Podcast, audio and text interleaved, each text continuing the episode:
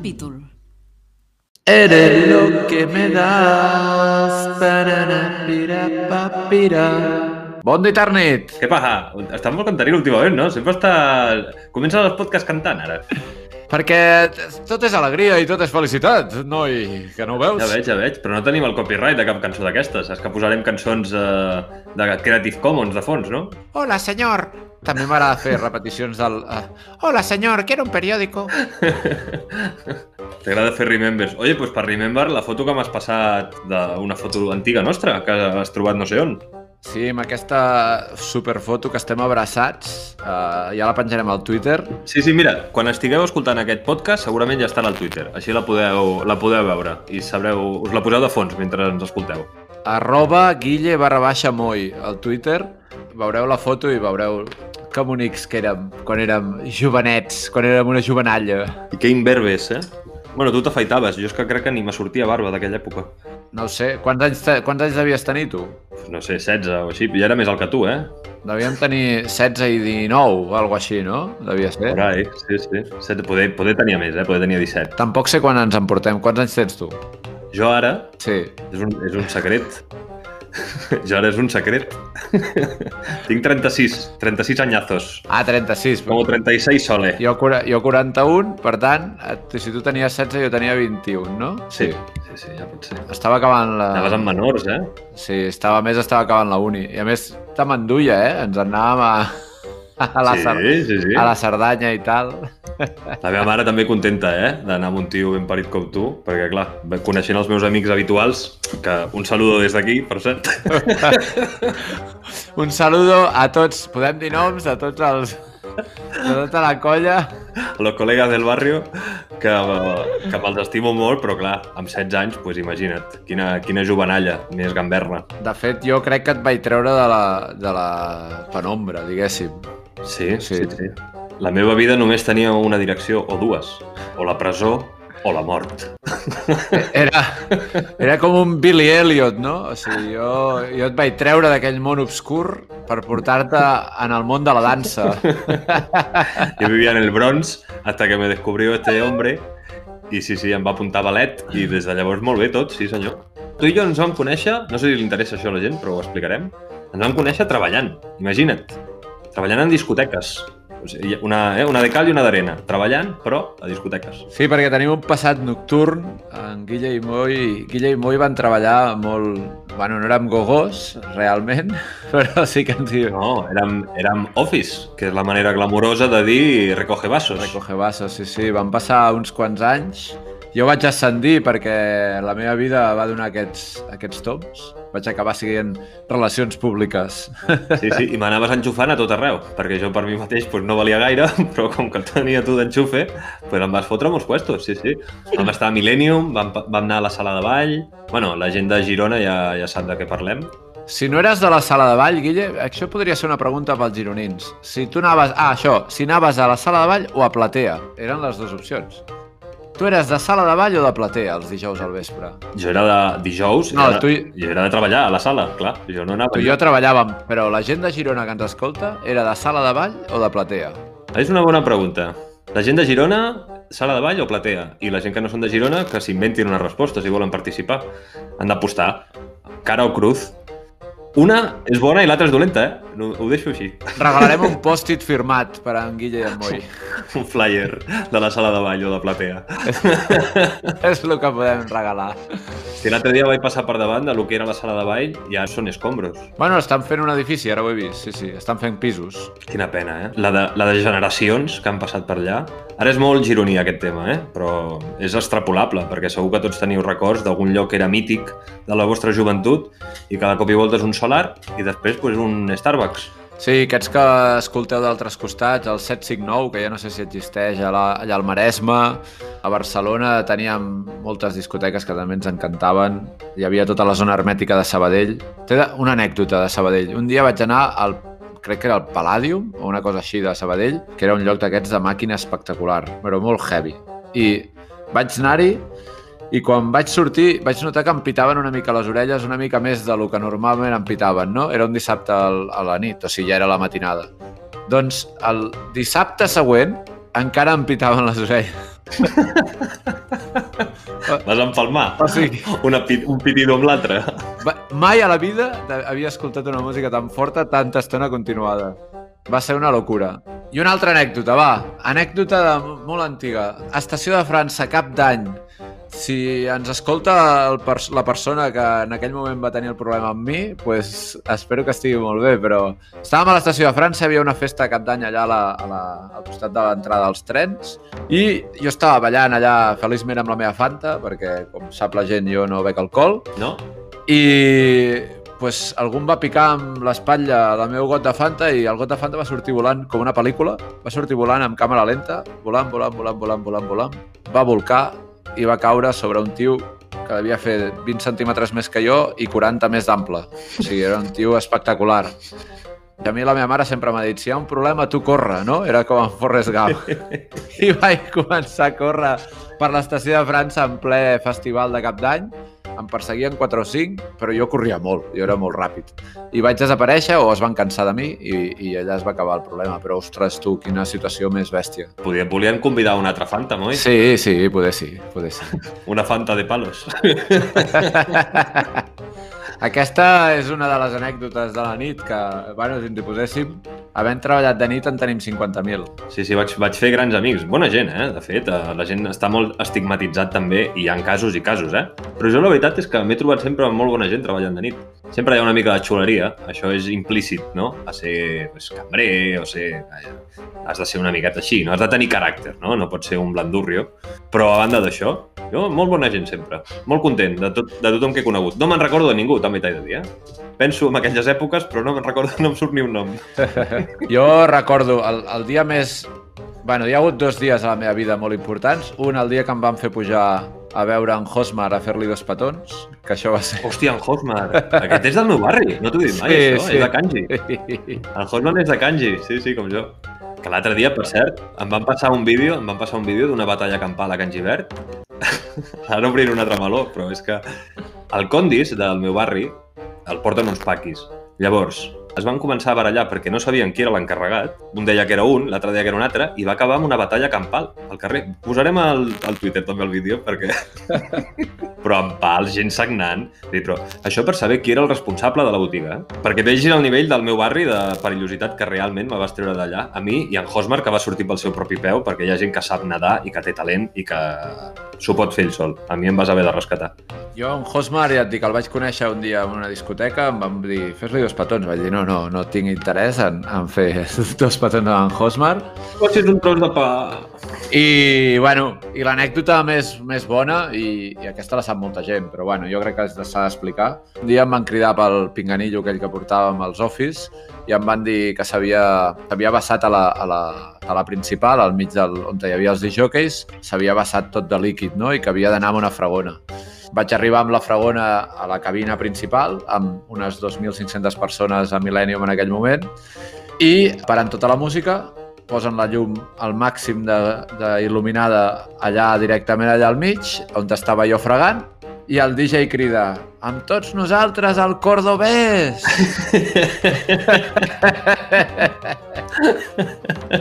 I jo pues, vaig aixecar la mà, vaig saludar, va, 2.500 persones estaven rient-se de mi, vaig aixecar la fregona i li vaig dir, ja te la tornaré aquesta, i me'n vaig anar.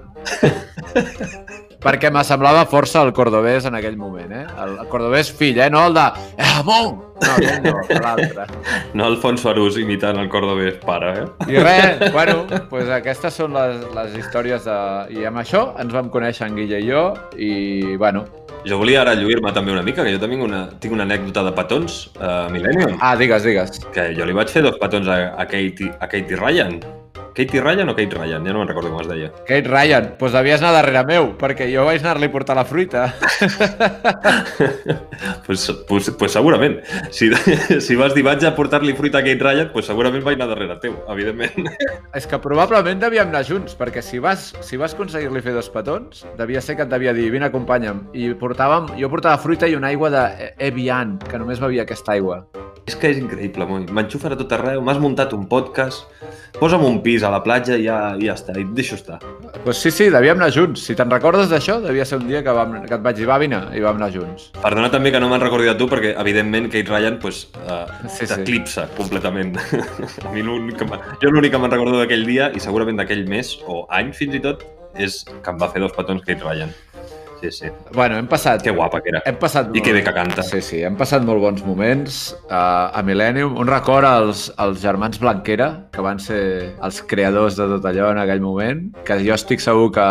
En Pepe jo crec que ens, que ens escolta, perquè encara li tinc contacte. En Carles no ho sé, però en Pepe segur que ens escolta. Un record Eh, pues una abraçada, Pepe. I Carles també, si ens i no? res. La vida va passant i seguim junts els bons amics. Aquest és el, el tema definitiu. I ara hauria de sonar una música, Guille, de... Deixi una mica de...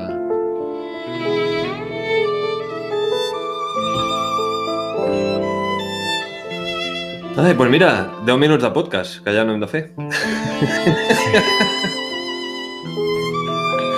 Aquí tenim una entrada inicial que no hem fet... No hem parlat res del capítol 7, o sigui, directament hem, hem tirat. És veritat. Per tant, ara ara hi poso, hi poso un tros, eh? I... I avui en aquest capítol ens acompanya la super, la mega, la hiper, la super famosa ja i, i fantasbulosa Marina. Mai m'havien presentat amb tants, tants, no sé, tan supercalifragilístico marina, saps? M'ha agradat. L'altre dia vaig veure... No sé, on, no sé on t'ho vaig veure. Em sembla que amb un reportatge d'aquests de Callejeros... Ah, sí, aquests de Nueva York tienen un precio, saps això? Que comparen nada tirat i nada superric. I anaven a veure un musical de, de Mary Poppins, que en aquell moment, suposo, quan ho van gravar això, el 2003, eh, estaven fent Mary Poppins. I cantava la cançó aquesta de Supercalifragil, això que has dit ara, però no ho diu exactament igual. I què diuen? Diuen, bueno, primer té accent americà, no? Llavors és supercalifragilistic. I, i hi ha alguna cosa, alguna cosa que canvia. Si teniu l'ocasió, oients, de trobar la banda sonora de Mary Poppins en versió original, veureu que és una mica diferent. No molt, eh? Una A mica. Broadway. És a, és a Broadway, això, Guille. Era Broadway. Era Broadway, sí, sí. Allà on te, a Times Square, amb la Quinta Avenida. És, és parada de línia 3. Línia verda. Línia verda és a Poble Sec, Broadway. I plaça Espanya. Turum, turum, pròxima estació, Broadway, Poble Sec. Correspondència amb... Correspondència amb la Quinta Avenida. Estem molt avorrits, eh? pues mireu, nois, avui eh, havia preparat un examen, perquè com que s'apropa Nadal, i vosaltres heu fet estudis tots dos, oi que sí? Que teniu carreres universitàries? Bueno, jo estic passant notes tot aquest, tot aquest cap de setmana. No fas pont, doncs? Aquest cap de setmana estic passant notes de primer trimestre i estic encantat. És una de les millors feines com a mestre, seure davant d'un ordinador i anar posant 1, 2, 3 i 4. Molt bé, jo, jo també faig notes, però notes de premsa.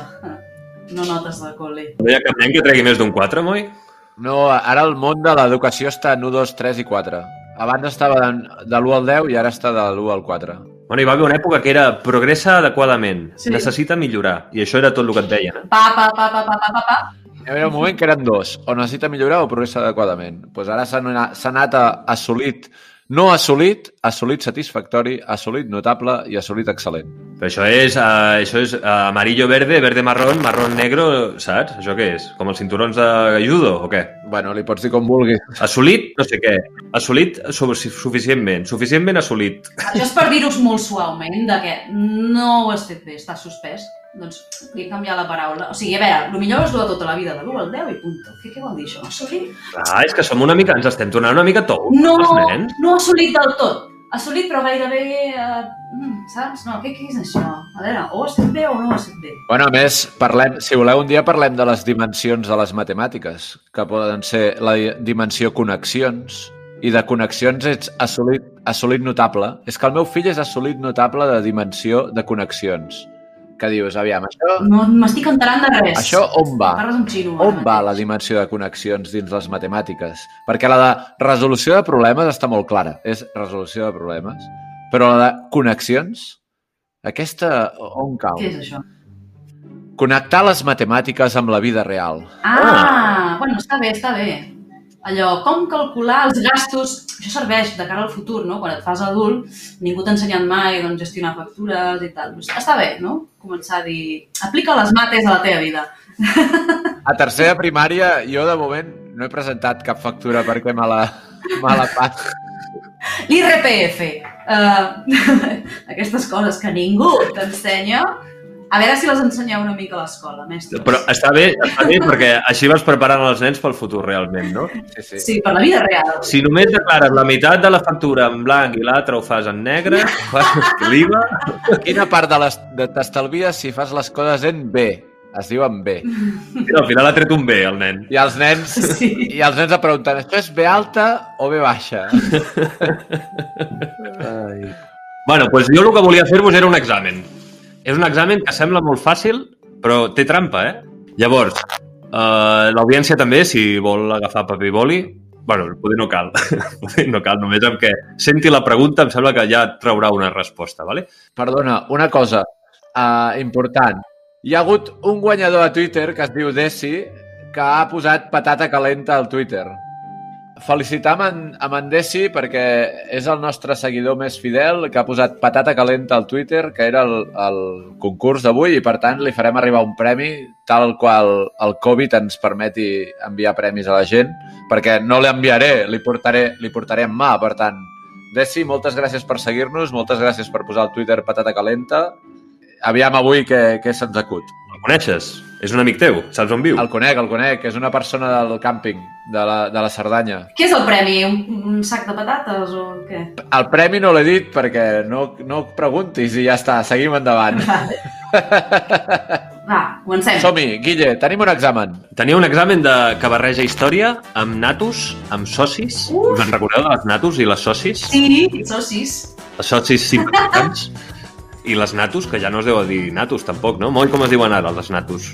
Es diu Medi. Medi. Coneixement del medi natural i social. Jo crec que totes aquestes respostes les hauríem d'encertar vosaltres, eh? La, meva, la primera pregunta de l'examen, que és més difícil del que sembla, és quan va durar la Guerra dels 100 anys?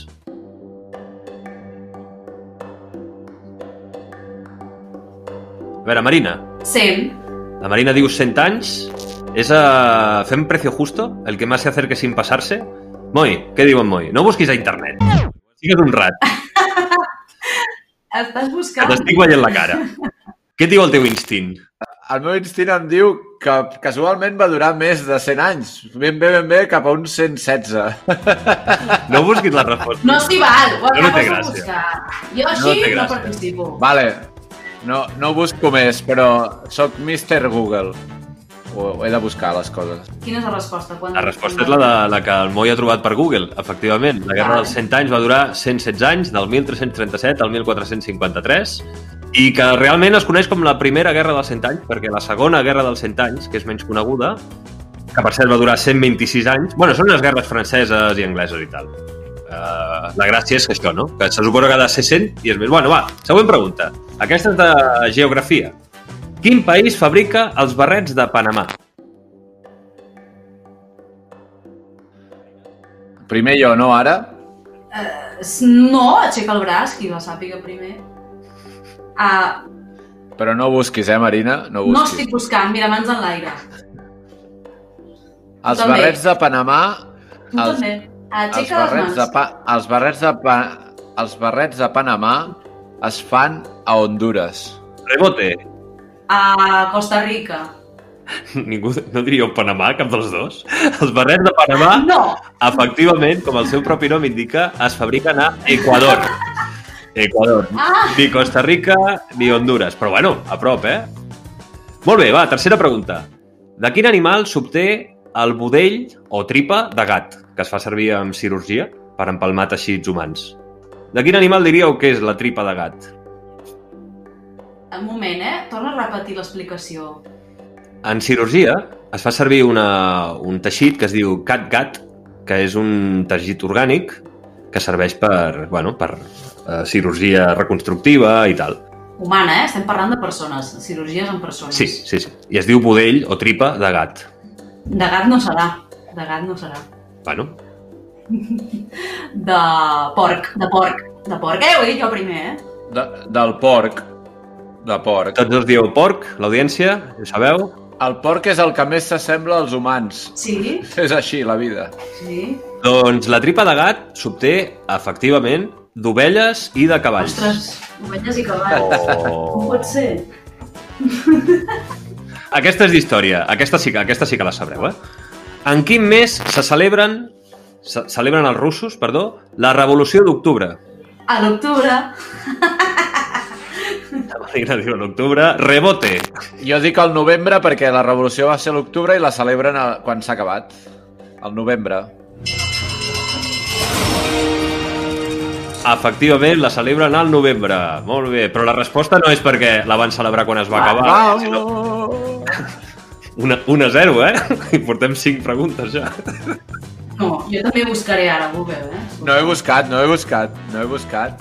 Mm, tu la primera sí. En, es celebra al novembre perquè hi ha un canvi de calendari, perquè els russos d'aquella època anaven amb el calendari julià i quan van passar el gregorià doncs anaven 13 dies tard i es va passar al novembre.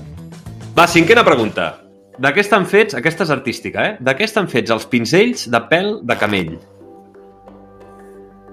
De, de, de camell, de pèl de camell. La Marina aposta per l'obvi i en Moi...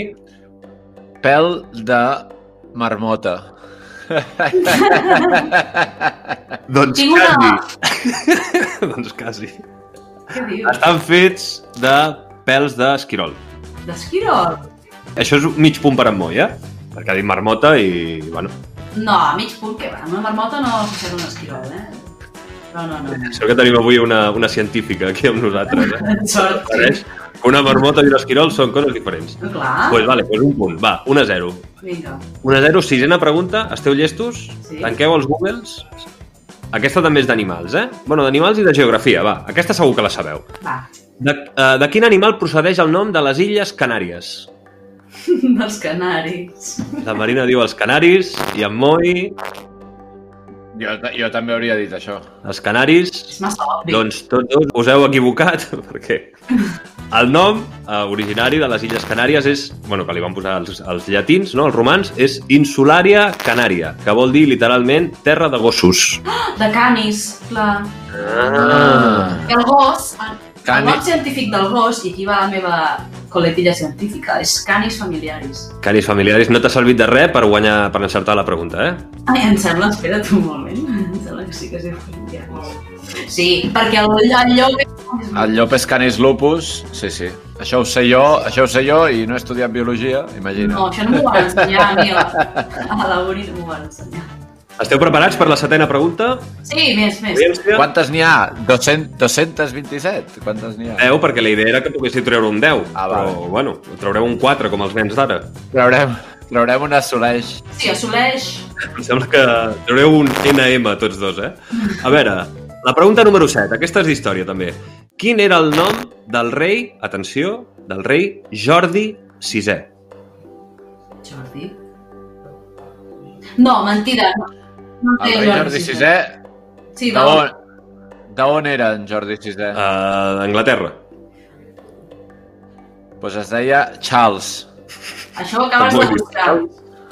Ho acabes de buscar, sí, sí, No, no ho he buscat, però és, és, és evident que tots es diuen Charles o John. Oh. O sigui, jo he dit Charles... Mira, Marina, John. no una pista. No és, no és Charles, ni és John, però sí que és un nom típic de rei anglès.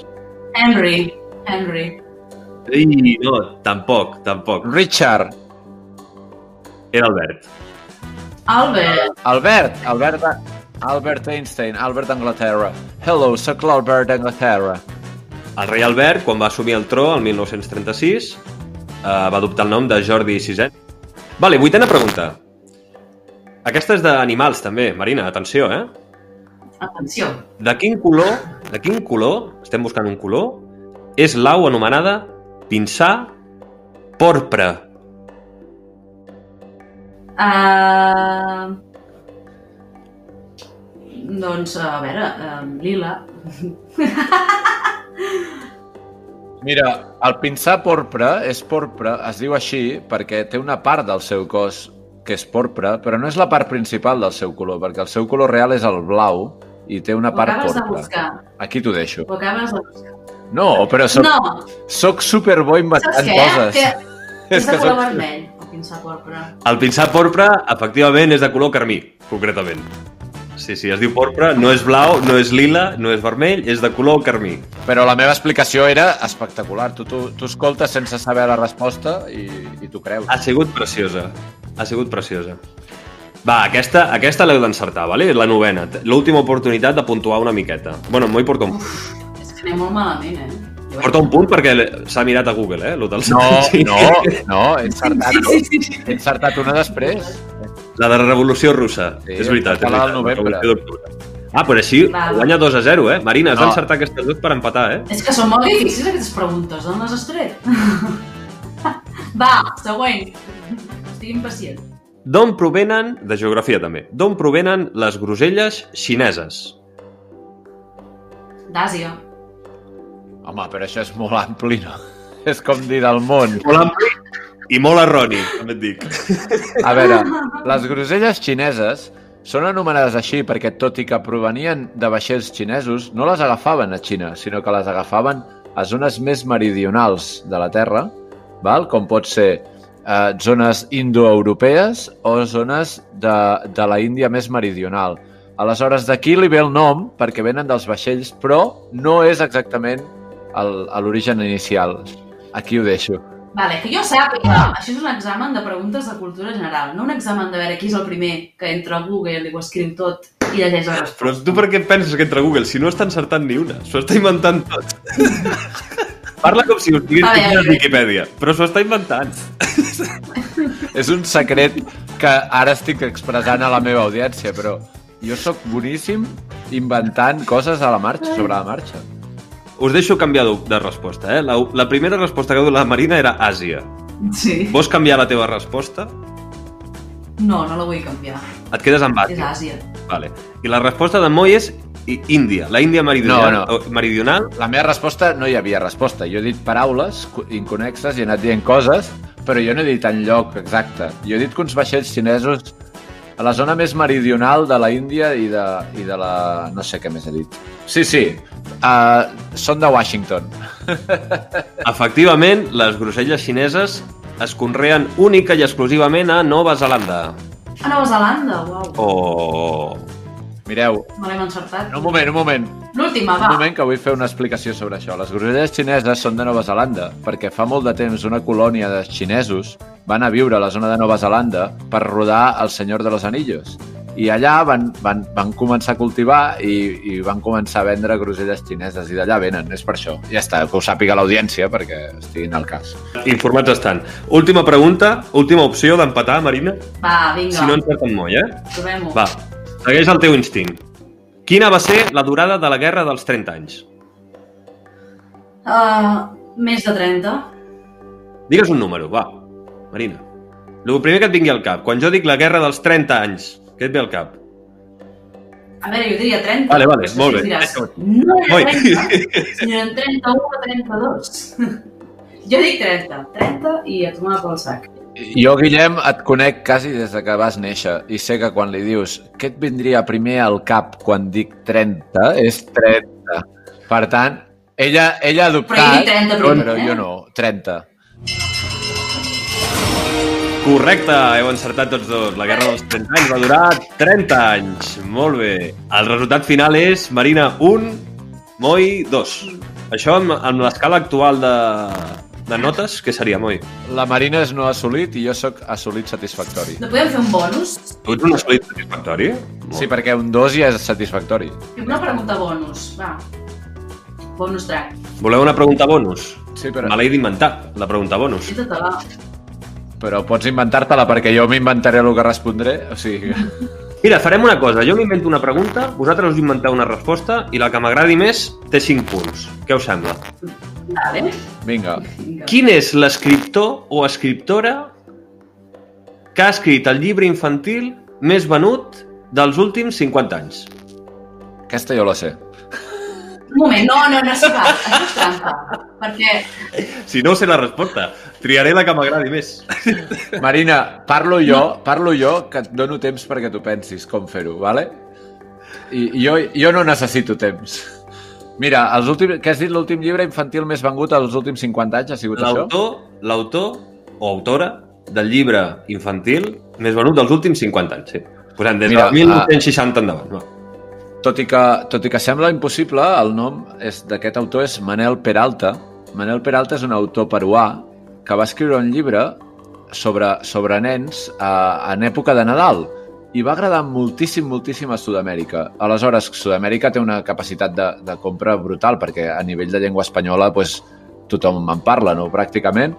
I Manel Peralta, allà es diu Manuel Peralta, evidentment, Uh, va aconseguir doncs, uh, llançar aquest, aquest llibre a tot arreu, aquest llibre de, es deia Històries de Navidad i altres coses, es deia així el llibre, i,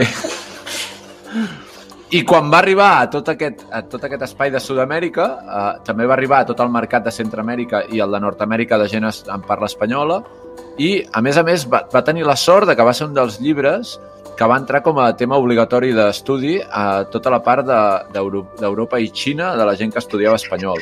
I clar, això va, això va ser un... Bueno, va ser brutal. Llavors, clar, totes les escoles espanyoles de tot el món han, han tingut aquests llibres i a més n'han hagut de comprar, com que se'ls havien de llegir tots els nens alhora, doncs en tenien 200 de cada un, no? No s'ha traduït mai, aquest llibre? Sempre, sempre és castellà, no?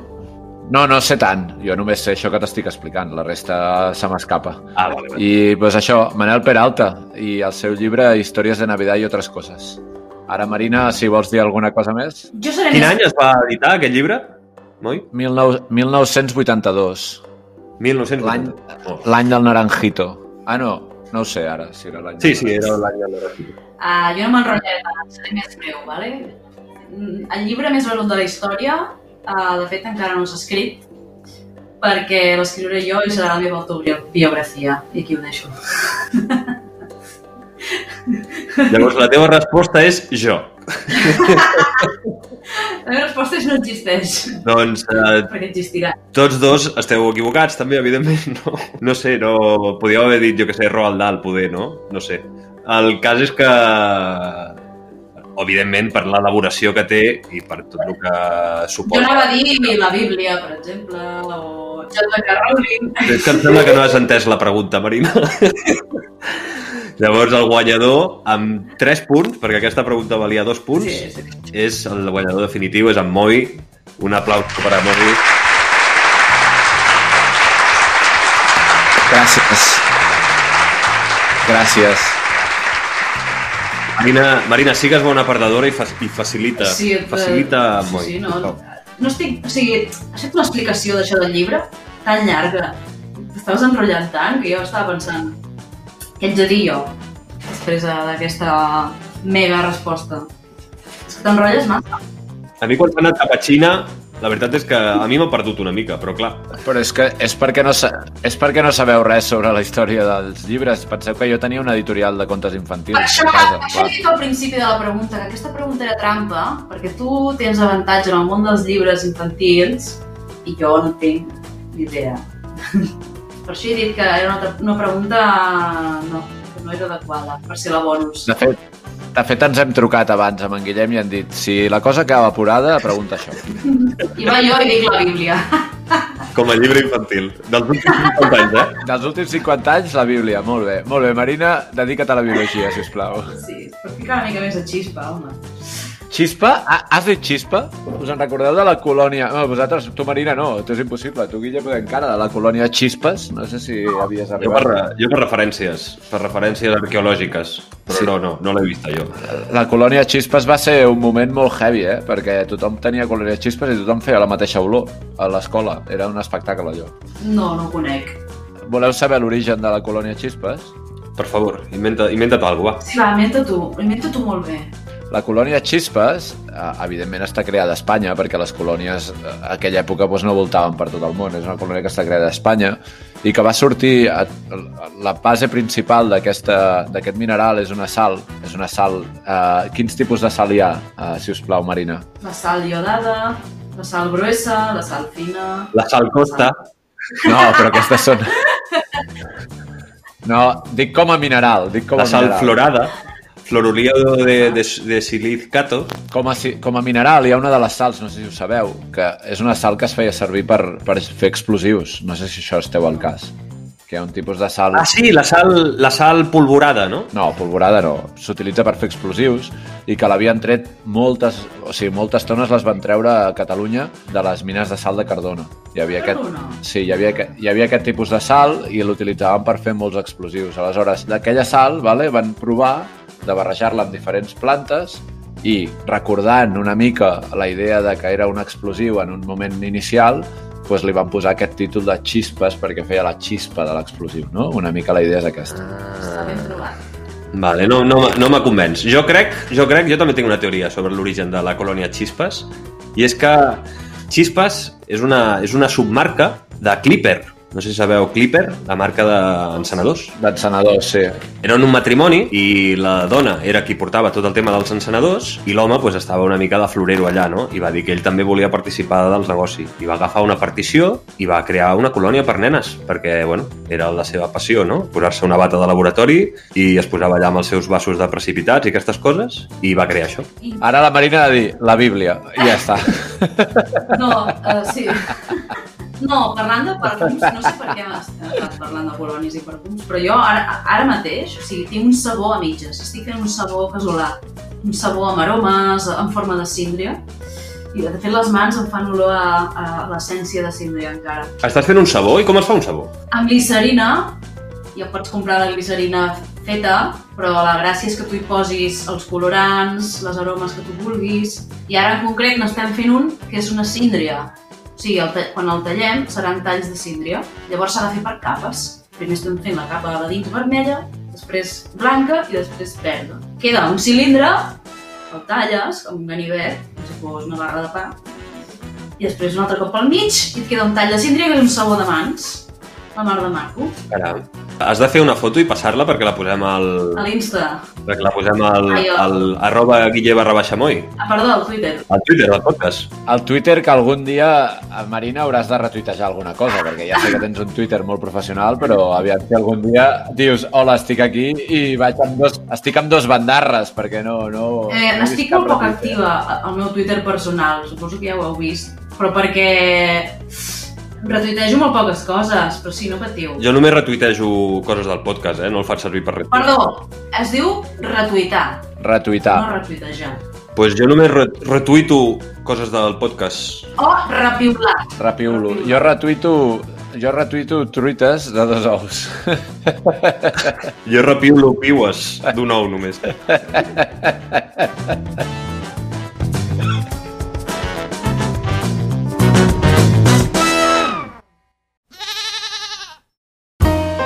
Tens alguna cosa a dir? Vols fer-nos companyia? Envia els teus missatges de veu a ja.cat barra guillemoy sms.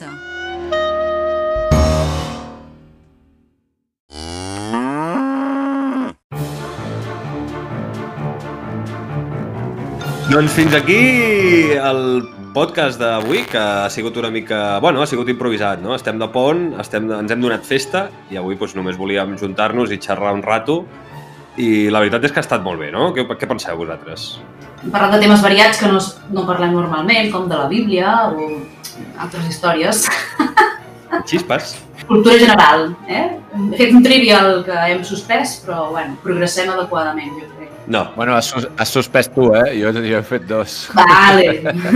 Bé, a mi m'ha semblat bé. Hem fet molts remembers, hem fet moltes, moltes històries xules i a més a més estem la Marina, que sempre ens agrada. Aviam si l'anem fitxant perquè vagi vinguent cada setmana, que, que al, fi, al final ja la- ja l'enganyarem.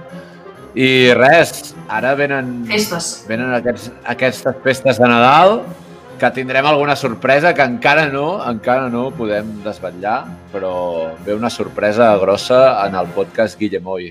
Hosti, m'acabo de recordar de l'Ivan Convé. Te'n recordes tu de l'Ivan Convé? Qui era l'Ivan Convé? L'Ivan Convé era un xaval que treballava amb nosaltres a Millennium, ja sé que m'ha vingut ara al cap de cop.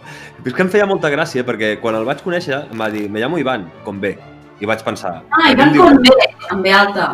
Ivan con B, Ivan con V. Però, clar, per com... tu t'has presentat alguna vegada i has dit, me llamo Marina, con M. No, però sí que dic, em dic Marina Torres amb E. Per què ho dius, això? Que només et presentes a delegados del govern. Per què dius com s'escriu el teu nom? Què m'has de? Perquè, perquè m'escriuen Torres, home. El cas és que jo crec que quan et presentes a algú i l'única relació que tindràs amb ell és parlada, no cal que li diguis com es diu el teu nom per escrit. És com els avis quan surten a la tele que diuen, li pregunten com es diu vostè? I diuen tot. Diuen el nom i els dos cognoms i on viuen, quasi. Diuen, Josep "Soc en Maria Josep, Domènec Escolar. Soc d'aquí del Mas. Espera, espera, t'hi fixes que tots dos hem dit Josep? Quan, quan hem... Sí. Bueno, a Olot es diu Josep. Josep. És, és una cosa que és impossible de dir. Josep. Josep. Josep. Josep. Em dic Maria Dolors Quintana Riudevalls. Sí, sí. I, i soc, de, soc del Mas del Faig de Baix. Emma Palau Bruscat Segulla Bellubac. Qui és I aquesta? la gent que diu d'aquí, la gent que truca a la ràdio, i diuen, "Com que truca? Diu, d'aquí, d'Olot, d'aquí, de la Cerdanya. Com que d'aquí? De Barcelona. I diuen, d'on truques? Diuen, de Barcelona. Com dient, D'aquí, de Barcelona. dius, no, home, molts, molta gent ho fa. Hi ha un món fora de Barcelona. Eh? Que Barcelona no és Madrid, eh? És Espanya dins d'Espanya. Barcelona és Barcelona i després hi ha el món al voltant. Hombre, Bueno, fins aquí avui eh, la Marina... La Marina... La Marina ens està proposant que tanquem el podcast, que avui ha sigut una juerga. Per tant, uns quants mariachis. Eh, Guillem, activa versió mariachi 2.0. mariachis. I vinga, mariachis, que vagi molt bé a tothom. Ens veiem el pròxim dimarts. Apa-li! Adéu-siau! Adeu, adeu, mariachi! Uh